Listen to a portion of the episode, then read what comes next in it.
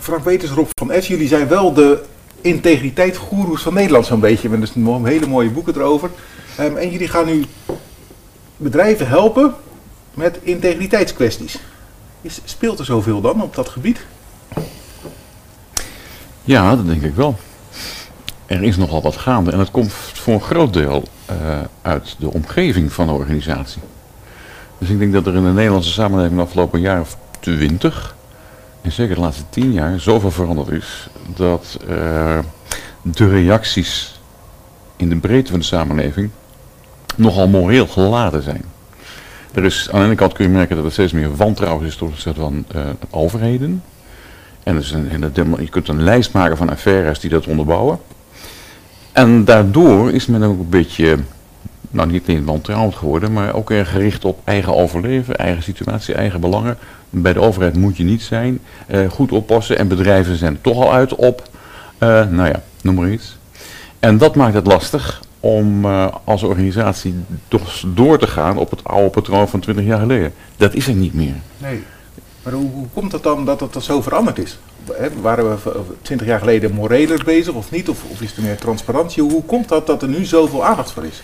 De omgeving is een stuk mondiger uh, geworden en heeft met social media in de hand ook de macht om een organisatie of een bedrijf of een bestuurder of een merk onmiddellijk onder druk te zetten. Ja. En we hebben daar onderzoek naar gedaan met TNO in het, uh, in het verleden. En je hebt in principe maar vijf twitteraars nodig die op hetzelfde moment eenzelfde boodschap over een bestuurder bijvoorbeeld uitsturen. Om daarmee een hele oliegolf, olievlek als het ware op, uh, op Twitter te doen ontstaan en een bestuurder onder druk te zetten. Ja.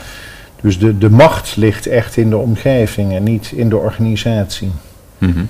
Ja, precies. En, en alles komt meer naar buiten dan. Zeker. Maar tegelijk zou, ook, zou je kunnen denken dat die macht van die Twitter, dat je dat ook, dat kwaadwillenden, die kunnen dat ook gebruiken om mensen onterecht onder druk te zetten of, of te beschadigen en schade te berokkenen. Dat kan. Mits men het op dezelfde manier inderdaad uh, gebruikt, zoals ik net schetste, loop je dat risico en zul je moeten herstellen. Daar moet je ook zorgen dat je feitelijk altijd het juiste gedrag blijft vertonen, zodat je dat risico gewoon niet, uh, niet loopt. Uh. Ja, precies. En is er dan meer onjuist gedrag, Rob? Er is denk ik niet zozeer meer onjuist gedrag. Uh, ik denk dat het er altijd al was. Uh, en al, al 150 jaar geleden geanalyseerd is door Karl Marx wat er allemaal misgegaan in het bedrijfsleven. Maar dat is wel een heel impopulaire figuur geworden. Maar ik denk dat hij in de kern van de zaak een aantal dingen goed heeft gezien. Dat grote organisaties zo groot kunnen worden dat ze totaal niet meer kijken naar individuele personen die daar werken. En daar loop je dan wel eens tegenaan. Maar dus de oude uh, analyse van Marx, daarna is het veel ingewikkelder geworden. Want dat gaat er uh, helemaal niet om dat bedrijven er nu op uit zijn om individuele medewerkers uh, te discrimineren of on, on, on, onheus, hoe te bejegenen. Ik denk dat dat wel meevalt. maar je ziet zelf niet meer goed wat je wel en niet kunt doen in organisaties, omdat het tempo van veranderingen zo hoog is. Als je kijkt naar de affaires die heel nadrukkelijk moreel zijn geweest de afgelopen, nou, afgelopen jaren praktisch. Uh, dan zijn het allemaal zaken van uh, voornamelijk mannen die nog gedrag vertonen wat 20 jaar geleden wel kon. Dan kwamen ze ermee weg en nu niet meer. En ze hebben niet in de gaten dat dat niet kan. Dus gaan er ook nog omheen lopen, we lopen er van weg, gaan het verdedigen. Terwijl ze gewoon uh, achterhaald zijn. Ze hebben even niet opgelet terwijl de wereld veranderde. En dan hebben we het over MeToo-gedrag? Bijvoorbeeld, ja, ja dat is, daar is het heel sterk in. Ja. Maar tegelijkertijd, uh, je hebt dat MeToo. Um, en wat nu afgelopen week in het nieuws dat het ministerie van VWS, volgens mij, die wil niet alle documenten vrijgeven rondom de mondkapjesdeal. Terwijl de rechter heeft gezegd wel, zegt nou dan betalen we gewoon de dwangsom. Ja. ja. En dan denk ik, ja, dat, is, dat kan. Want de rechter heeft gezegd, oh, betaal je dwang. Maar het is wel fout, maar het mag wel, maar het, maar het is wel... En wel het niet is, goed. Ja, en de overheid, net als bedrijfsleven, wordt al niet vertrouwd. Hè. Het, Mhm. het vertrouwen in overheden en in bedrijven in Nederland is historisch laag. En met dit soort handelen van de overheid versterk je dat negatieve gevoel alleen nog maar. Want de- de omgeving verwacht gewoon dat in dit geval het ministerie van VWS gewoon publiek maakt wat ze, wat ze hebben. En Ja. hiermee voed je alleen maar het idee dat er heel veel verborgen blijft. eh, en dat men de voormalige minister gewoon beschermt. eh. Mhm. Ja, precies. En wat, wat, zou- wat zou jij dan aanraden, zo'n zo'n organisatie in zo'n geval? Ik denk dat ze niet anders kunnen dan gewoon leveren. En dat ze gewoon moeten voldoen aan de wet. En, en dat is al een minimum vereiste. Mhm. Ja. En, en tegenwoordig geldt al bijna niet meer dat je moet voldoen aan de wet. Maar moet je eigenlijk ook al voldoen aan de verwachtingen en de waarden en normen van de omgeving. Ja. Maar het ministerie voldo- voldoet hier al niet eens aan de wet. En dat, Nee, maar dat is natuurlijk dan- dramatisch ja, voor het vertrouwen. Maar tegelijkertijd houden ze zich eigenlijk gewoon aan de gerechtelijke uitspraak. Dan zeggen ze of je betaalt, of, of je geeft vrij of je betaalt. Ze zeggen, nou, dat betalen we. Ja. Dus ja, dat vind ik toch een moeilijke afweging dan. Nou ja, het ene is juridisch, het andere is moreel. Ja, Ja. En het is een beetje dom om je vast te houden of zelfs te gaan verschuilen achter het juridische. Want dat prikt iedereen doorheen. ja Dat zie je ook aan alle reacties. Ja, ja, kom nou. dat kan natuurlijk niet. Maar hoe leer je dat dan in organisaties om wel goede morele besluiten te nemen? Wat, wat, wat, wat is daarvoor nodig? Nou ja, daar hebben we ons over gebogen. En hebben we gezegd, daar moeten we eens een methodiek voor gaan ontwikkelen. Ja. Dat hebben we ieder voor zich al gedaan in onze eigen praktijken. En omdat dit, eh, deze, onze terreinen zo dicht bij elkaar komen te liggen, hebben we gezegd, laten we eens kijken of we dat niet gezamenlijk kunnen oppakken. En die methodiek, dus systematisch kijken naar wat er allemaal meespeelt om een goed moreel besluit te nemen, die hebben wij nu in elkaar geschoven. Dat klopt al voor 87 procent. Het verschil is een klein beetje dat Frank wat meer zit op de, de communicatiekant naar buiten, intern en extern. En natuurlijk alles wat ermee samenhangt, niet alleen die communicatie op zichzelf, maar ook eh, wie vertel je wat, wanneer en waarom. Ja. Naar binnen en naar buiten. Dat is een behoorlijk goed overwogen proces als je dat goed wil doen. En niet even snel. niet zeggen, we hebben dat besluit genomen, ga jij het nou maar communiceren. Eh, Daar moet je goed over nadenken. Ja. Dat, is, dat is die kant van de zaak. En mijn kant van de zaak is veel meer, denk eens goed over na wat nou eigenlijk de morele kwestie is. Niet alleen maar van, we hebben ongeveer geduid wat het is en daar moeten we wat aan doen. Nee, wat is nou precies de morele kwestie? Nou, dat kun je analyseren. En dat is waar, eh waar I come in. Ja, En, en daarvoor, dat is feitelijk hoe je de morele vragen kunt benaderen. En daarvoor begint het eigenlijk al met überhaupt de organisatie laten nadenken over wat integriteit nu is. Dus de bewustwording van, eh, van het belang ervan. Van het juiste doen als niemand kijkt. En daar hebben we ook een methodiek voor ontwikkeld. Waarin we feitelijk in een, in een, in een dagdeel of in een dag de, de belangrijke eh, beïnvloeders en opinieleiders in de organisatie, zoals management of bestuur of raad van commissarissen, feitelijk in een training bewust maken van hoe belangrijk het is om hiermee aan de slag te gaan en om daar actief een rol in te willen spelen.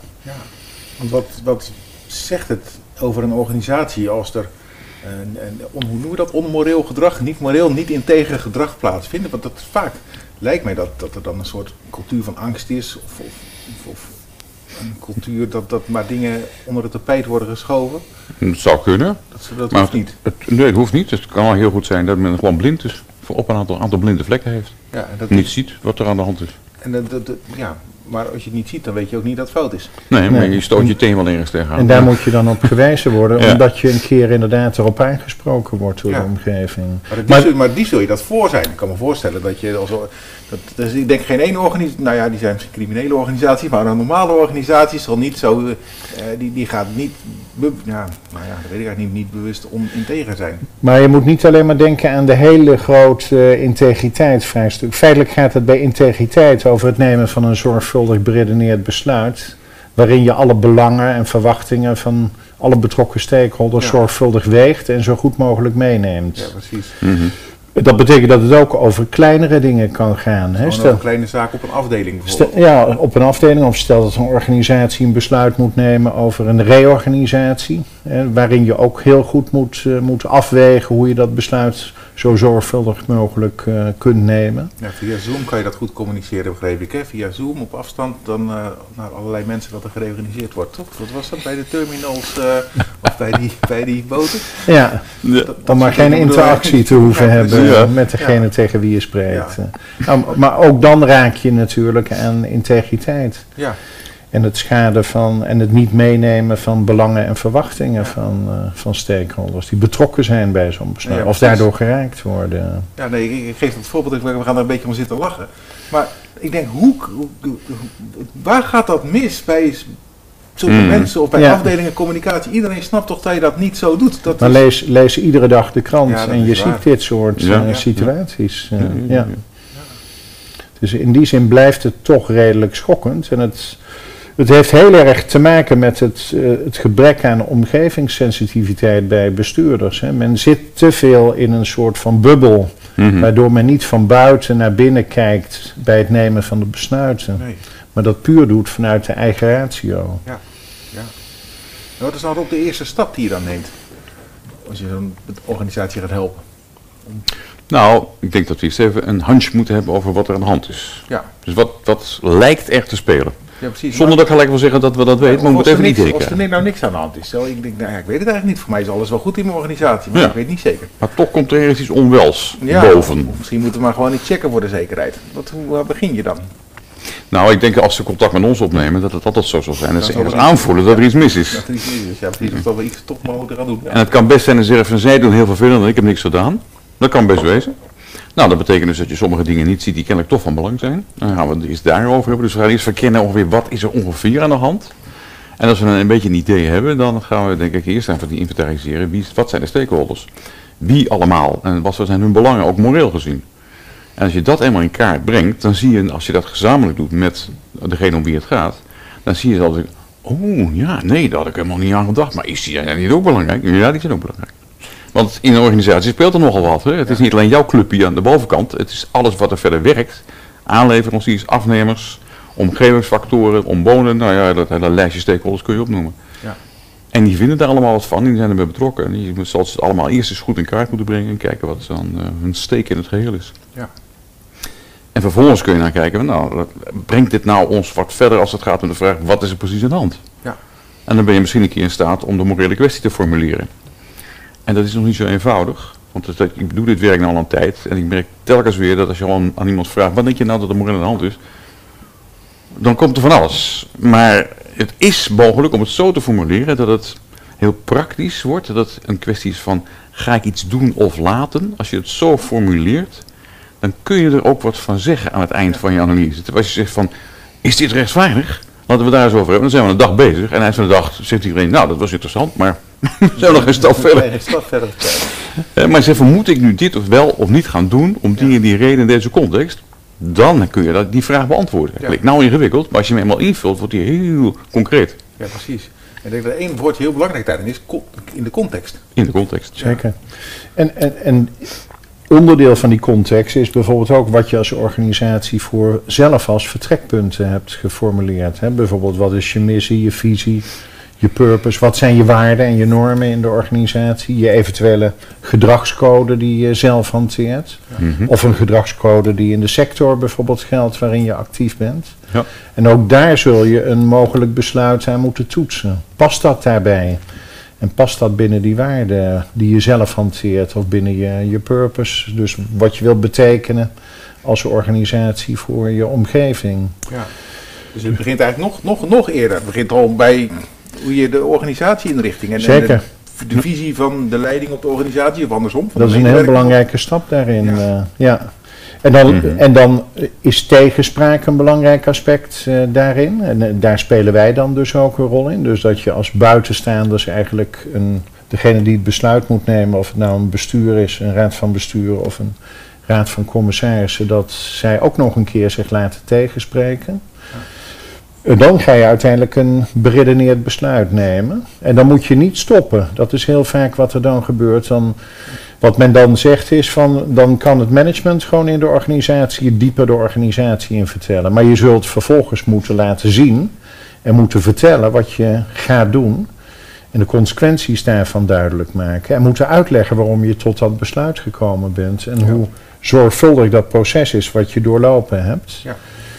En als het kan, moet je ook de pijn verzachten voor degenen die last krijgen van jouw besluit. Dus als je bij reorganisatie de mensen die helaas de organisatie moeten verlaten, dat je daar een heel zorgvuldig eh, begeleidingstraject bijvoorbeeld en een goed sociaal plan voor, eh, voor organiseert. Ja, precies.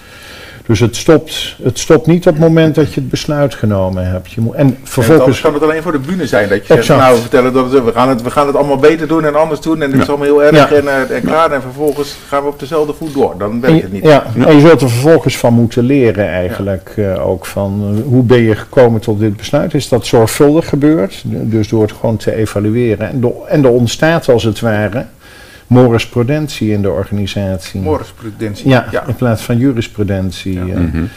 Waar je ook de volgende keer dat je zo'nzelfde soort besluit neemt, ook weer houvast eh aan hebt. Omdat je dat proces al meerdere keren hebt doorlopen. En, en als je dat dan beter, die, die, die mora- moraliteit beter regelt in je organisatie, wat heeft dat dan voor effecten, Rob? Nou, het, het zit hem waarschijnlijk in het proces zelf al. Als je het beter wil gaan regelen, is die actie op zichzelf het belangrijkste wat je kunt doen. Precies. Hè, dus het, het proces maakt de waarde uit. Als je zegt, wij gaan met elkaar een, een beter verantwoord, moreel verantwoordelijke samenleving, maar dan in klein in een organisatie eh, ontwikkelen, dan is dat proces op zichzelf het meest waardevolle wat je doet. En dat res- daarin resulteert vanzelf een organisatie die moreel beter functioneert. Ja. En wat voor effecten, dan gaat het moreel beter, dan is het denk ik fijner om in te werken. Ja, En dat maakt een hoop uit. Dat Dus maakt een hoop In uit. deze tijd van personeelstekort is dat een sterk punt geworden. Ja, ja. Ja. Maar hoe weet ik nou dat ik in een moreel fijne organisatie werk? Waar merk ik dat aan? Aan de wijze waarop de mensen met elkaar omgaan. Het is gedrag en houding. De kortste definitie van de cultuur van de organisatie is gedrag en houding. Ja. En wat je merkt als mensen meer in de bovenstroom zitten van, het, eh, van directies en besturen, dat ze denken dat het alleen maar gedrag is. Dus als het gedrag maar verandert, hebben we de cultuur veranderd. Maar dat is niet zo. Het verandert dan juist dat de houding ten opzichte van elkaar en in het eh, uiten van het gedrag verandert. Ook verandert. En dat is een stukje lastiger. Dan moet je wat meer nadenken over wat je doet en waarom je dat doet. Ja. dus en wat betekent dat dan concreet voor, voor mij als werknemer? Nou, dat ik bijvoorbeeld wat makkelijk eh, kan zeggen wat me wel en niet bevalt. Dat er iemand is die naar mij luistert. Dat er überhaupt zo af en toe eens gevraagd wordt, wat vind jij ervan? Wat is jouw beleving om hier te werken? Heb jij nog verbeteringen misschien eh, voor ons? Ja, precies. In plaats van, zo moet je het doen en niet anders. En, en vlug een beetje. Ja, gisteren klaar. Ja, maar wat is dat psychologische veiligheid eigenlijk heeft dat er ook mee te maken? Zeker, Ja. ja. Ja. Want het ja, aan ontbreekt heel wat eh, van de klachten tegenwoordig. Ja, ja, dat is zo. En waar begint dat dan, Frank? Begint dat bij de leiding? Begint dat bij mensen beneden? Wie, hoe, krijgt dat vorm? In principe eh, zal het moeten starten bij de top van de organisatie. Maar eh, uiteindelijk is, zijn het wel de middelmanagers, gewoon de leidinggevenden in de organisatie, die zo'n veilige cultuur en integere cultuur moeten stimuleren. Omdat zij ook de directe voorbeelden zijn voor de werknemers op de werkvloer. Als jij als leidinggevende iedere week een pak kopieerpapier meeneemt, dan is dat eigenlijk de manier waarop voor jouw directe team, de manier waarop je dus blijkbaar eh, werkt in deze organisatie. En dan zullen zij dat ook doen. Ja. Dus eh, de leidinggevenden zullen zowel voorbeeldgedrag moeten vertonen als de, de uitnodigende partij moeten zijn aan medewerkers om bijvoorbeeld hun mening te geven over vraagstukken en zelf die interactie te zoeken eh, Ja. met, eh, met hun teams en dingen bespreekbaar te maken ook in de organisatie als medewerkers er niet zelf mee komen. Ja, precies. Dus die zijn een hele belangrijke factor. Wordt vaak onderschat. Meestal kijkt men alleen naar de top van de organisatie. Maar er is in Amerika een groot onderzoek gedaan waaruit blijkt dat men eigenlijk geen, vaak geen idee heeft wie de bestuurders van organisaties zijn. En men kent de bestuurders van stukjes op intranet of filmpjes op intranet of het optreden op televisie. Op het moment dat ze een keer zichtbaar worden. Maar de direct leidinggevende is eigenlijk jouw voorbeeld in de organisatie. Los van ook wel van de helden die er in de organisatie zijn aan wie je een voorbeeld neemt. Ja. Maar je moet niet onderschatten wat het belang is van een direct leidinggevende Nee, voor dit proces. eh. Maar in een psychologische veilige organisatie, Rob, dan denk ik als een, dan neemt een eerste leidinggevende geen pak papier mee. Maar als hij het wel doet, dan moet het ook voor mij als werknemer of en die, die naar die manager rapporteert veilig zijn om aan te spreken. Mhm. En hoe krijg je dat dan voor elkaar? Dat vragen we altijd af. Hè? Want ik heb wel eens gewerkt in, ik heb wel eens gewerkt in een organisatie, dat, dat weet ik nog echt heel goed. Toen zaten we met, met vier man werkten we aan een tafel of, of op een kamer met vier man achter een bureau. En als de leidinggevende binnenkwam, dan kromp iedereen achter elkaar en letterlijk en er ging achter het bureau zitten. En, Ja. en hoe verander je dat? Want die leidinggevende wordt heel gewaardeerd door zijn andere leidinggevenden die aan de top staan. En eh, hoe krijg je dat dan voor elkaar om dat te veranderen? Ja, ik ging ruzie maken en ik, werd, ik was freelance en ik ging ruzie met hem maken en werd ik weggestuurd. Dus maar ik heb eigenlijk niks veranderd. Ik, Mhm, ik mhm. was ook nog mijn opdracht kwijt. Dus maar hoe, hoe, hoe- wat moet je dan doen?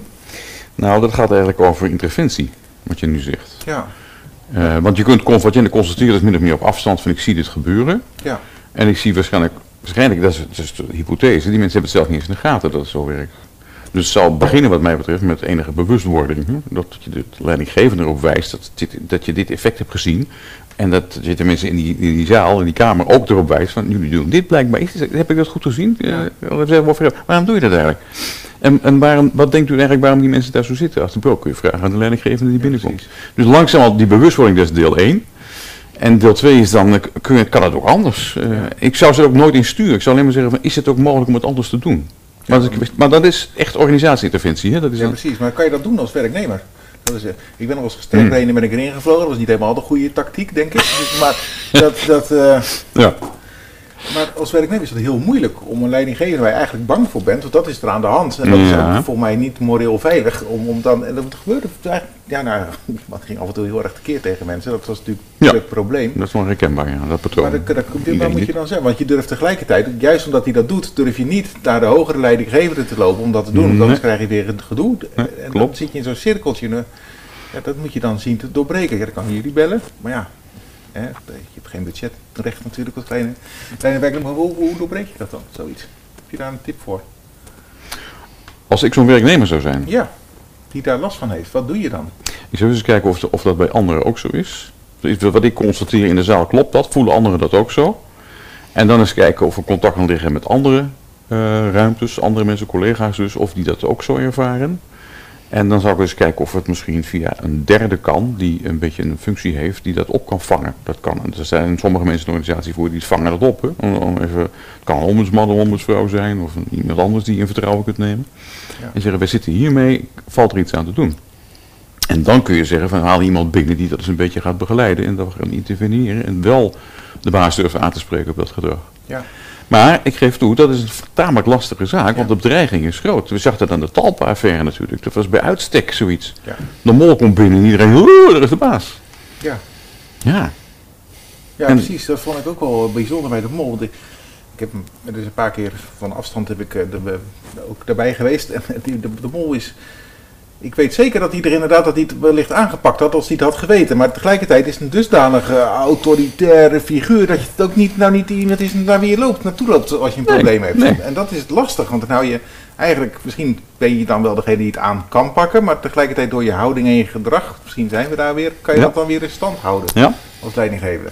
Ja, en het, zit heel vaak ook, heeft het te maken met de ego's van bestuurders natuurlijk. Ja. Ik denk dat iemand als John de Mol luistert alleen naar zijn advocaat en zijn fiscalist. eh. mhm.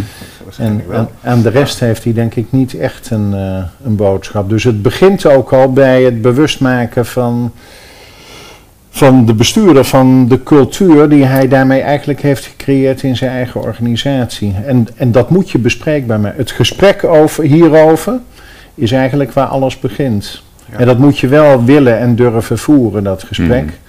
En je zult ernaar moeten handelen. Hè. In, in de situatie bij Talpa was het eigenlijk heel schrijnend dat men zei van we hebben dingen veranderd. En de Volkskrant heeft daar vier keer binnengekeken na afloop van die affaire. En een van de dingen die het meest opviel en ze ook het meest hindert is dat er een, in het mannentoilet een soort urinoir is in de vorm van een vrouwenmond met een vrouw die er ook op neerkijkt. Hè, waardoor het lijkt alsof je in een vrouwenmond urineert Ja, ja, ja, op het ja, mannentoilet. Maar dat tekent, dat dat- is tekenend voor de cultuur natuurlijk Ja. van de organisatie. Ook Ja. het feit dat dat niet verdwenen is na zo'n Mhm. affaire Mhm, mhm. is tekenend voor die situatie. Ja. ja. Ja, ja. Dus cultuur verander je niet in een paar maanden tijd. eh. Er is heel veel tijd nodig. dat heeft heel veel tijd nodig inderdaad. eh. Ja, of je moet er mensen van buiten bij halen die het zien. ja. Zoals dat jij nou zegt. Ja, maar dan moet je er wel naar luisteren. En dan moet je er ook naar luisteren. Zeker, ja. Ja. Dan moet je je openstellen inderdaad. Voor, ook enerzijds voor tegenspraak en anderzijds openstellen voor veranderingen in je organisatie. ja. Ja. En als je dat niet doet, dan is het, is het eigenlijk niet te veranderen. Nee. Nee, dus echt, het zijn echt dan de leiders die echt aan de bak moeten. Zeker. Als je wil, wil veranderen. Ja, Ja, die moeten wat leren, ja, dat valt niet mee. Ja. Eh, nee, zeker niet als je iets zo heel lang doet op een bepaalde Precies. manier. Ja. En voor het onderwerp is ook nog niet in, vroeger in de opleidingen en de univers- universitaire opleidingen was er eigenlijk helemaal geen aandacht voor dit onderwerp. Nu zie je het steeds meer ontstaan, ook in de commissarissenopleidingen bijvoorbeeld. Eh, wij geven allebei les in een commissarissenopleiding. En daar zie je dat dit onderwerp nu ook daar steeds breder wordt opgepakt. Eh, Ja. Dus het zal vermoedelijk nog een generatie bestuurders duren ook. En twee generaties commissarissen, want die lopen er eigenlijk net een generatie achteraan. Ja. Mhm. Voor je aan de top van het bedrijfsleven en ook bij de overheden eh, die verandering eigenlijk al wat meer vanuit hoe men in het leven staat. En hoe men het ooit geleerd heeft, eh, Ja. hebt doorgevoerd. Ja. Precies. Maar als je nou zo, ik kan me ook voorstellen dat bedrijven misschien ook wel huiverig zijn. Want stel je voor, dan ga je zo'n open cultuur ga je creëren. En volgens mij dan ga je juist in eerste instantie misschien wel meer meldingen en dingen krijgen van zaken die niet goed gaan. Hè. Dat kan heel, heel, heel, heel, heel erg zijn, maar ook, ook kleine dingen van een pak kopieerpapier dat weg wordt genomen tot en met Mhm. seksuele, seksueel overschrijdend gedrag. Mhm. En dat, dan, dan is een organisatie, ja dat willen we niet, want dan, dan denkt iedereen dat er hier een puinhoop is, terwijl het misschien juist wel niet zo is. Ik, ik denk dat je het ideaal gesproken überhaupt helemaal niet over integriteit hoeft te hebben in de organisatie. Eigenlijk heb je ook helemaal geen klokkenluidersregeling nodig. Het gaat erom dat je gewoon op een open manier met elkaar omgaat. En dat mensen zich veilig voelen om afwijkingen bijvoorbeeld van, van waar je voor wil staan en je waarden bijvoorbeeld en je normen, dat ze die veilig durven melden. Ja. En dan ontstaat er helemaal niet heel veel meer dan in een andere organisatie. Sterker nog, heel vaak wordt het dan al in de kiem gesmoord voordat het überhaupt een echt uitgroeit tot een crisis, zoals in een situatie bij, eh, bij Talpa of bij de Belastingdienst. eh. Want dan voorkom je het eigenlijk al een heel, in een heel vroegtijdig stadium. Ja. ja, want het is niet echt een nou, fijn gespreksonderwerp voor de koffieautomaat. Lijkt het als je zegt, nou laten we eens even over, integriteit hebben. Als iemand naar mij toe komt zegt, moet even over integriteit hebben. Dan ga ik denken, wat heb ik nou weer gedaan? Ja, dat is ook zo. Dus je kunt het ook, ja, je kunt het op verder manieren benoemen natuurlijk. Je kunt het gewoon noemen dat eh, misschien een cultuurontwikkeling, maar dat is de afgelopen twintig jaar heel vaak zo gebruikt, dus dat woord wordt totaal bollig. Eh, maar de communicatiestijl of eh, een welbevinden in- op de afdeling, eh, nou ja, noem maar op. Het is ook een beladen woord natuurlijk. Net zo goed als dat klokkenluider eigenlijk al een beladen woord is. Ja. Eh, ja. Ja.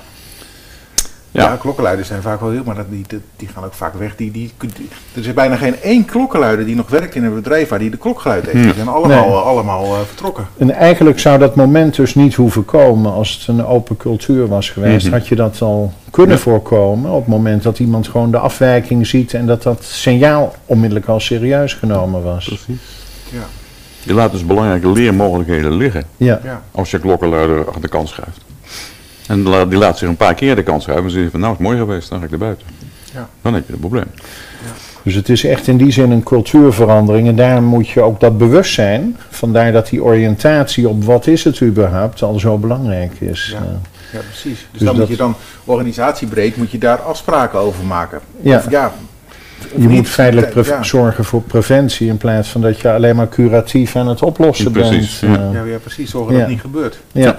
Maar moet je dat, moet je dat dan ergens beleggen? Of je- ja, er zijn sommige organisaties hebben een integriteitsfunctionaris of zo. Ja, ja, werkt dat dan? Is dat dan een manier? Of want Ehm. dan komt de integriteitsfunctionaris komt ergens binnen en dan gaat iedereen zich keurig gedragen.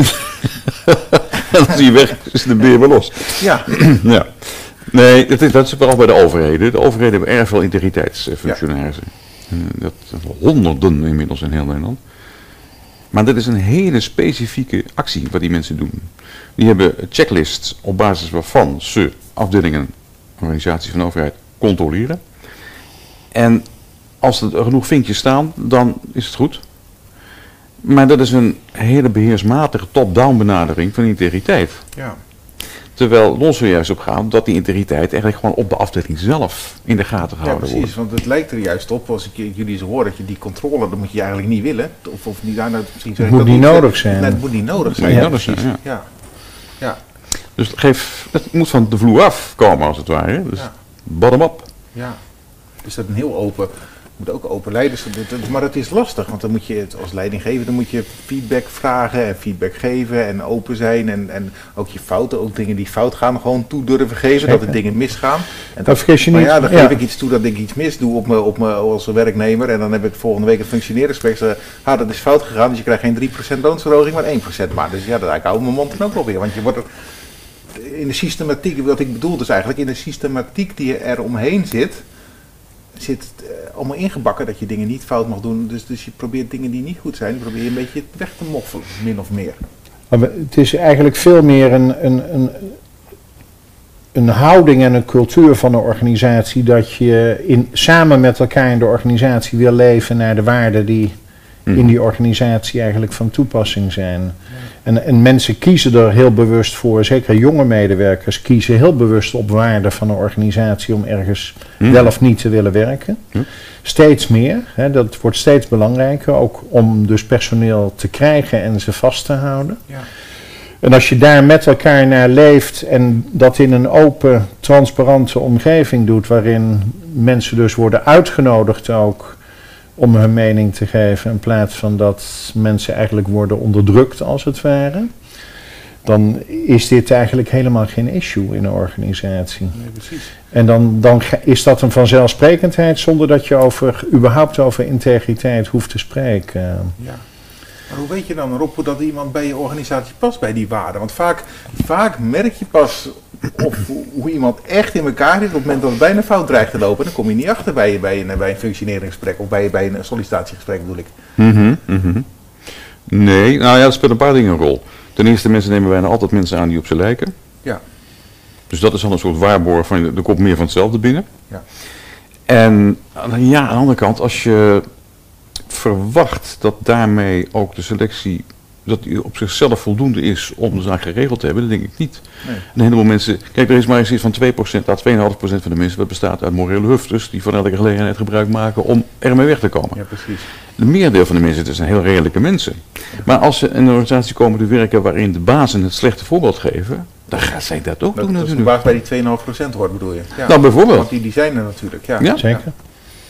En dan heb je dus een hele afdeling die doet maar wat, want de baas doet het ook. Dus de ultieme rechtvaardiging van eh, raar gedrag in organisaties. Ja. De baas doet het ook, dus ja, mogen wij het ook. Ja, Zit wat in, toch? Ja.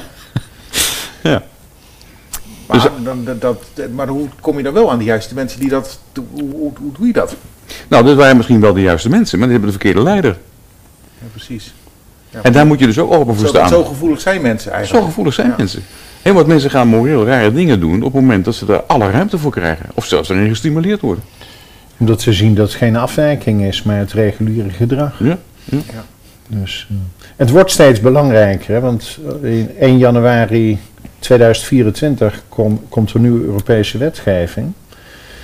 ESG, eh, Mhm. waarin eh, bedrijven doelstellingen samen met hun stakeholders doelstellingen moeten, moeten stellen. Onder andere op het gebied van governance. En daarin is een heel belangrijk onderdeel is bedrijfsethiek. Ja.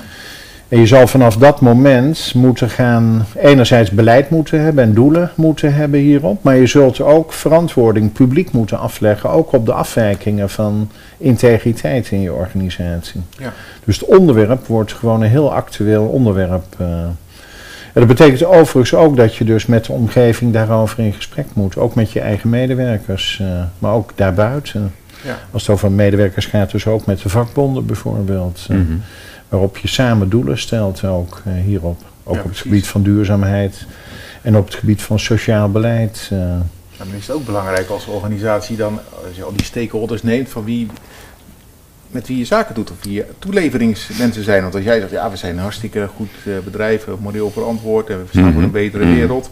Maar je doet wel zaken met een organisatie die dingetjes haalt in Bangladesh waar de kindjes in Ja, elkaar zetten. of een provincie in China waar de Oeigoeren onderdrukt, Onderdrukt worden. worden, Ja. ja. Ja, die lijst is heel lang. Maar dat is al een thematiek van 30 jaar geleden toen Business Ethics begon.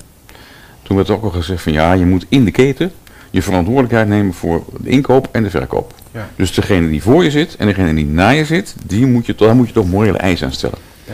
Dat klinkt prachtig, maar in de praktijk is het helemaal niet zo moeilijk dat degene die je van jou afneemt, misschien mooi gezien wel het juist doet, maar die verkoopt op zijn of haar beurt weer door naar een organisatie. die, Nou, dan kun je de tweede in de keten dus ook nog, dat is niet te doen.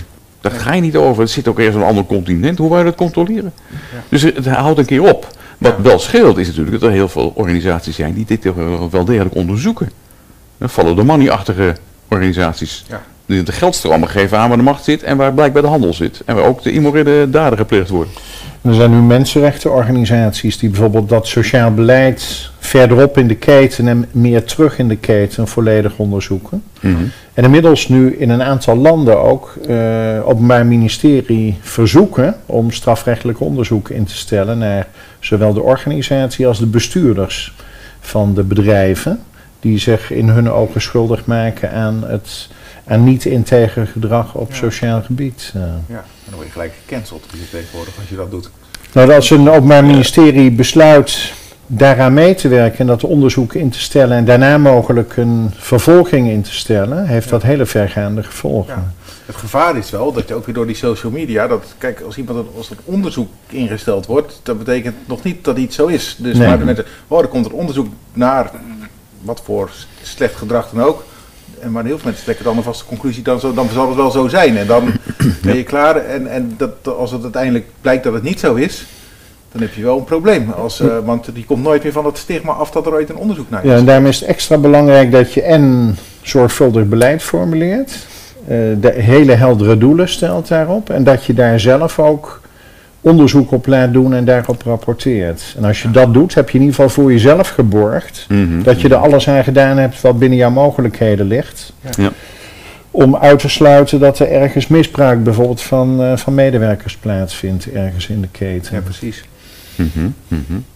Ik lees in jullie methodiek, ik heb een papiertje voor me, daar, daar staat in eh, op, op punt 8, jullie willen toewerken, of samen met toewerken naar minstens twee opties voor een moreel verantwoord besluit en begeleiding bij het nemen van de uiteindelijke keuze. Mhm.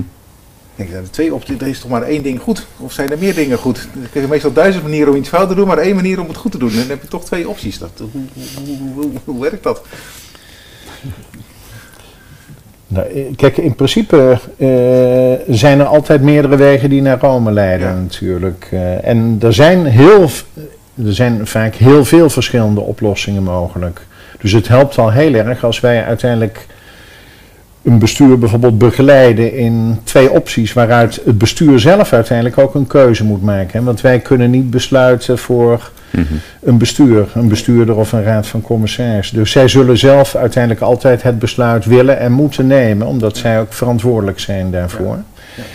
Maar het, het kan vaak wel een andere keuze betekenen of je voor A kiest of voor, of voor B bijvoorbeeld. Omdat de, de impact van een keuze een hele andere kan zijn eh, Ja.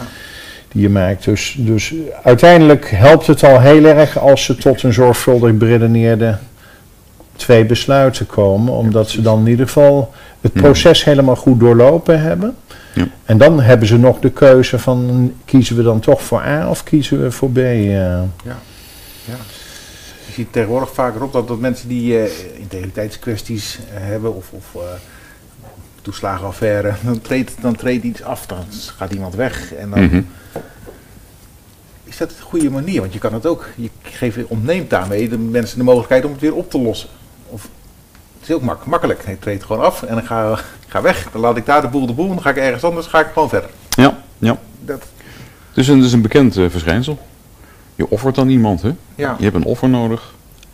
Ehm, en daarmee wordt gesuggereerd dat, dat het al voorbij is. We hebben Ja. het gehad. we hebben het gehad, klaar, de ver- verantwoording is opgestapt, dus En zo is het natuurlijk nooit. Want het feit dat iemand zo kon derailleren, dat heeft natuurlijk oorzaken die, die teruggaan op heel andere zaken in de organisatie. Dus dat zul je eigenlijk eerder moeten gaan onderzoeken en kijken hoe je dat kunt verbeteren. Ja. Of die figuur daar zelf nou de aangewezen persoon voor is, eh, hangt er helemaal vanaf. Per case zeer verschillend zal zijn. Soms misschien wel als blijkt dat hij meer en meer de verantwoordelijkheid op zich had moeten nemen, maar het toch niet zo heel erg was. Dat is verantwoordelijk. Oké, dan valt er misschien iets over te praten. Maar als iemand heel nadrukkelijk eh, de zaak heeft laten vallen uit zijn handen, dan denk ik dat het misschien wel goed is als iemand weggaat. Maar dan toch onder vele voorwaarden, mits en maren. ja precies. Je ziet natuurlijk een beetje aan de druk die nou eh, bestaat bij Schiphol op de bestuursvoorzitter. Ja. Ehm, die er overigens nog maar een jaar of vier zit. Terwijl alles wat er gebeurd is aan waanzingroei en aan een soort uitbuitend kapitalisme ten opzichte van de mensen in de laagste posities. De sjouwers, en de koffers, en de controleurs en beveiligers, die zeer slecht betaald kregen. Ja. Met een hoop druk op de ketel. Ik denk, hoe kun je dit realiseren in je organisatie? Maar dat was er al op het moment dat hij aantrad, Ben Schop. Dat had Nijhuis een voorganger georganiseerd. Ja. Die is acht, negen jaar lang bezig geweest met efficiëntie vergroten op alle vlakken. En concurreren mensen bij land. En alle hubbers binnenhalen. Mensen die overstappen maar helemaal niet in Amsterdam gaan rondkijken, maar gewoon weer doorvliegen. Ja. Dus waar we als Nederland eigenlijk niks aan hebben. Nee, precies. Maar ze veroorzaken wel geweldig veel druk op de ketel. Ja. Dus Zo zit je met je erfenis van je voorganger. ja. Ja. En in zo'n geval denk ik, ja, moet iemand, iedereen schreeuwt van die man moet weg. En ik denk, nou ja, dat hangt er maar vanaf. Dat hangt er maar vanaf. Ja. Maar die nuance is een beetje weg, hè? helemaal overal lijkt het wel. Ja. In, in, al, die, in al die debatten Het eigenlijk, is op allerlei wel, gebieden. ja, is, het is emoties spelen een grote rol. Hè? De ratio telt niet meer. We leven in een extreem gepolariseerde wereld, zowel politiek als qua media. Ja. En dat betekent dat je inderdaad altijd zelf de stap naar voren moet willen nemen om het gesprek over zo'n issue aan te gaan. eh. Ja. En als je maar even wegduikt in dit social media tijdperk, word je gedwongen tot verdediging.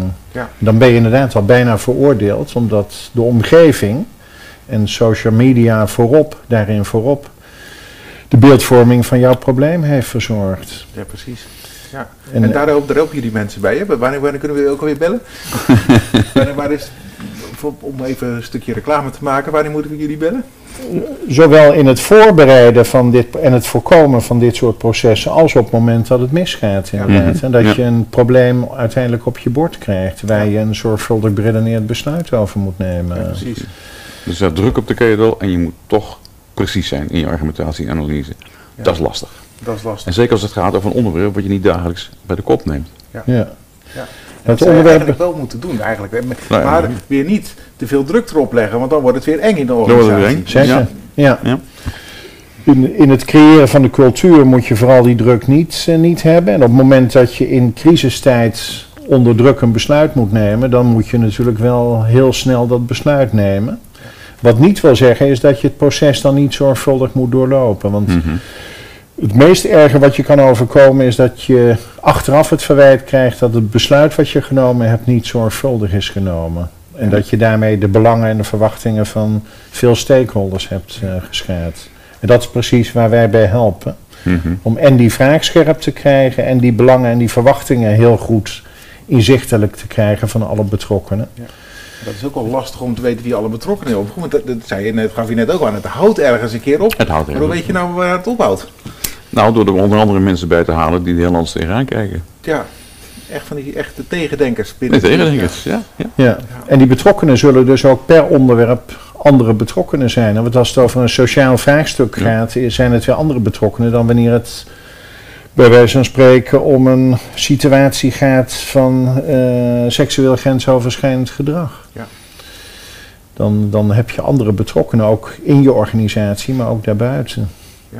Ja. Dus vandaar dat het belangrijk is om inderdaad ook mensen vanuit die vakgebieden te laten meekijken naar zo'n vraagstuk. Ja, voor de context. Exact. Mhm, mhm. Context is alles eigenlijk. En zorgvuldigheid. Ja. Ja. Precies. En dan kun je even goed nog heel snel acteren.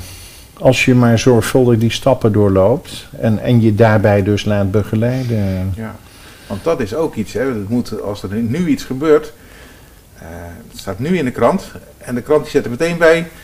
Het was nog niet bereikbaar voor een reactie. Ja. Dat in die regel. En dan denk ik, ja, dat is toch logisch. Je kan niet, misschien niet meteen reageren. Op, maar dat is, dan, heb je ook, dan is het ook al een stuk beeldvorming. Dan is het Mhm. ook alweer klaar. Oh, die wil niet reageren, wordt het meteen vertaald. En je bent weer de zondebok. Maar mijn stelling is dat je als, je als je maar richt op het proces, dat je binnen vijf minuten bij iedere crisis kunt communiceren. Ja. En dan komt later de inhoud wel. Want die Mhm. moet je inderdaad onderzoeken door die feiten boven water te dat kun krijgen. je dan zeggen, dat kun je dan als reactie geven. Maar dan kun je aangeven wat je aan het doen bent en met wie je dat aan het doen Ja. bent bijvoorbeeld. Om uit te zoeken wat er precies gebeurd is, wat de feiten zijn. En daarna kom je dan inderdaad met het publiek maken van de feiten en het mogelijk positie innemen ten aanzien van een, bijvoorbeeld een ontslag van een bestuurder waar je aan refereerde. Ja. Mhm. En dat, vond ik, ik, ik vind, maar, dat, is- maar ik vind eigenlijk, wat, wat je vaak dan ziet, is dat bij zo'n bestuurder dat hij eh, die onder vuur ligt dan, om dan weer te pakken, dat, dat een woordvoerder dan even naar buiten treedt. Dan denk ik, nou, ik zou Mhm. dan eigenlijk denken als woordvoerder ook, die man die moet er nu zelf gaan staan. Dan is, Mhm. heb je het idee dat iemand wegduikt. Er kunnen misschien heel veel goede, valide redenen zijn dat je, want die is misschien wel de feiten aan het onderzoeken, maar zeg, maar zeg dat dan, zeg het dan zelf. Dus Mhm. dat vind ik, dat, ja, ik ben soms, soms tegen, tegen woordvoerders wat dat betreft. Wat, wat, wat vinden jullie daarvan? Moet, moet zo'n bestuurder dan zelf maar opstaan, gewoon elke keer? Of? Ik denk, eh, advies, wat ik adviseer bestuurders natuurlijk altijd over dit onderwerp en commissarissen. Ik denk dat ze, dat ze altijd zelf dat leiderschap, Ja. Ook het zichtbaar en aanspreekbaar zijn eh, in zich, eh, in zich heeft. En je altijd zelf de woordvoering zult moeten doen. Maar wanneer jij zelf zeg maar de verdachte bent van niet integer gedrag, bijvoorbeeld als bestuurder van een organisatie, kan dat heel lastig zijn. Want dan moet je jezelf in dat gesprek gaan verdedigen. Mhm, Ja. mhm. Maar dan hoort de voorzitter van de commissarissen op te staan en zijn verantwoordelijkheid Ja, te precies. nemen. Dat is ook de verantwoordelijkheid binnen de Exact, maar dat is de werkgever Ja, van, eh, werkgever. Ja, van die directeur dan. eh, Ja. ja. En, en nog één keer, eh, Rob, voor zo'n goed moreel besluit nemen, waar moet dat aan voldoen? In een paar punten? Ah, nou, vrij veel hoor. Dus als je stakeholders helemaal in beeld hebt, dan zul je moeten nagaan eh, wat hun belangen en hun precies. morele betrokkenheid is. En daarnaast de kwestie van kijk er vanuit de ethiek naar. En je zult minstens aan drie perspectieven ruimte moeten geven. Namelijk aan de eh, rechten en plichten die in het spel zijn. Aan de gevolgen die dreigen of die je overweegt als je die handeling gaat kiezen. Wat ze vooral al hebben, niet allemaal. En welke deugden er in het spel zijn. Dus wat, is, wat vergroot nou de deugdzaamheid als je dit besluit zo neemt? En wat niet, juist. Ja. Nou, dat zijn drie verschillende perspectieven. Dat levert je ook argumenten op te zeggen, wel doen, niet doen. En dan heb je eigenlijk met meer eh, analytische deel gehad. En dan kom je bij de laatste fase. En dat is eigenlijk een kwestie van, eh, en wat ga jij nou doen? Want we hebben het nu alles geanalyseerd, de argumenten staan op een rij. Jij moet nu een keuze maken in jouw organisatie, in jouw functie. Ja. En dan wordt het toch tamelijk eh, persoonlijk. Ja. En dat is ook de goede reden waarom er twee opties zijn. Want de ene persoon zal zeggen, nou gaan we ook gelijk er tegenaan. De ander zegt, nou ja, dat vind ik toch dit wel het maximale wat ik kan, aan kan voor mezelf. hè. Maar je moet jezelf ook kunnen verantwoorden ten opzichte van jezelf. Ja, dus het is ook van de persoon afhankelijk hoe de Ook van de persoon afhankelijk, Dus er ja. is nooit eigenlijk eh, meerdere, twee opties, meerdere opties, want het is nooit zwart-wit. Nee. Dat is eigenlijk de conclusie. Het is nooit Ja, iets- alles wat bovenwettelijk is, als je het over waarden en normen bijvoorbeeld hebt, is altijd subjectief. Ja. Ja. En dat maakt het ook in de praktijk zo complex. Ja, dan kan je, eigenlijk, je kan het eigenlijk nooit Daarom, bes- 100% goed doen. daarom zie je dat in alle cases waarin het misgaat in organisaties, verschuilt het bestuur zich altijd achter het argument, maar we voldoen toch aan de wet. Ja, ja dat is wel de grootste dooddoener. We Ja. hebben de regels gevolgd. Ja. Exact, we hebben de regels onintegreren aan Dat is dus hier. Terwijl en het- er is nog. Want dat is een hygiënefactor, maar vandaag gaat het over die verwachtingen en die waarden en normen van de omgeving waaraan je moet Ja. Binnen dat maakt en het moeilijk. Dat maakt moeilijk. Ja. En wel een heel mooi vak ook om mee bezig te zijn. Zeker. Ja, Eh, boeiend, uitermate boeiend. yes. Hartstikke mooi. Rob, dankjewel. Frank, Graag gedaan. Dankjewel. En, eh, Graag gedaan. Veel succes eh, met de integriteitskwesties. Er zijn er genoeg om op te pakken. Zeker. Yes. Oké, dank jullie wel. Zie.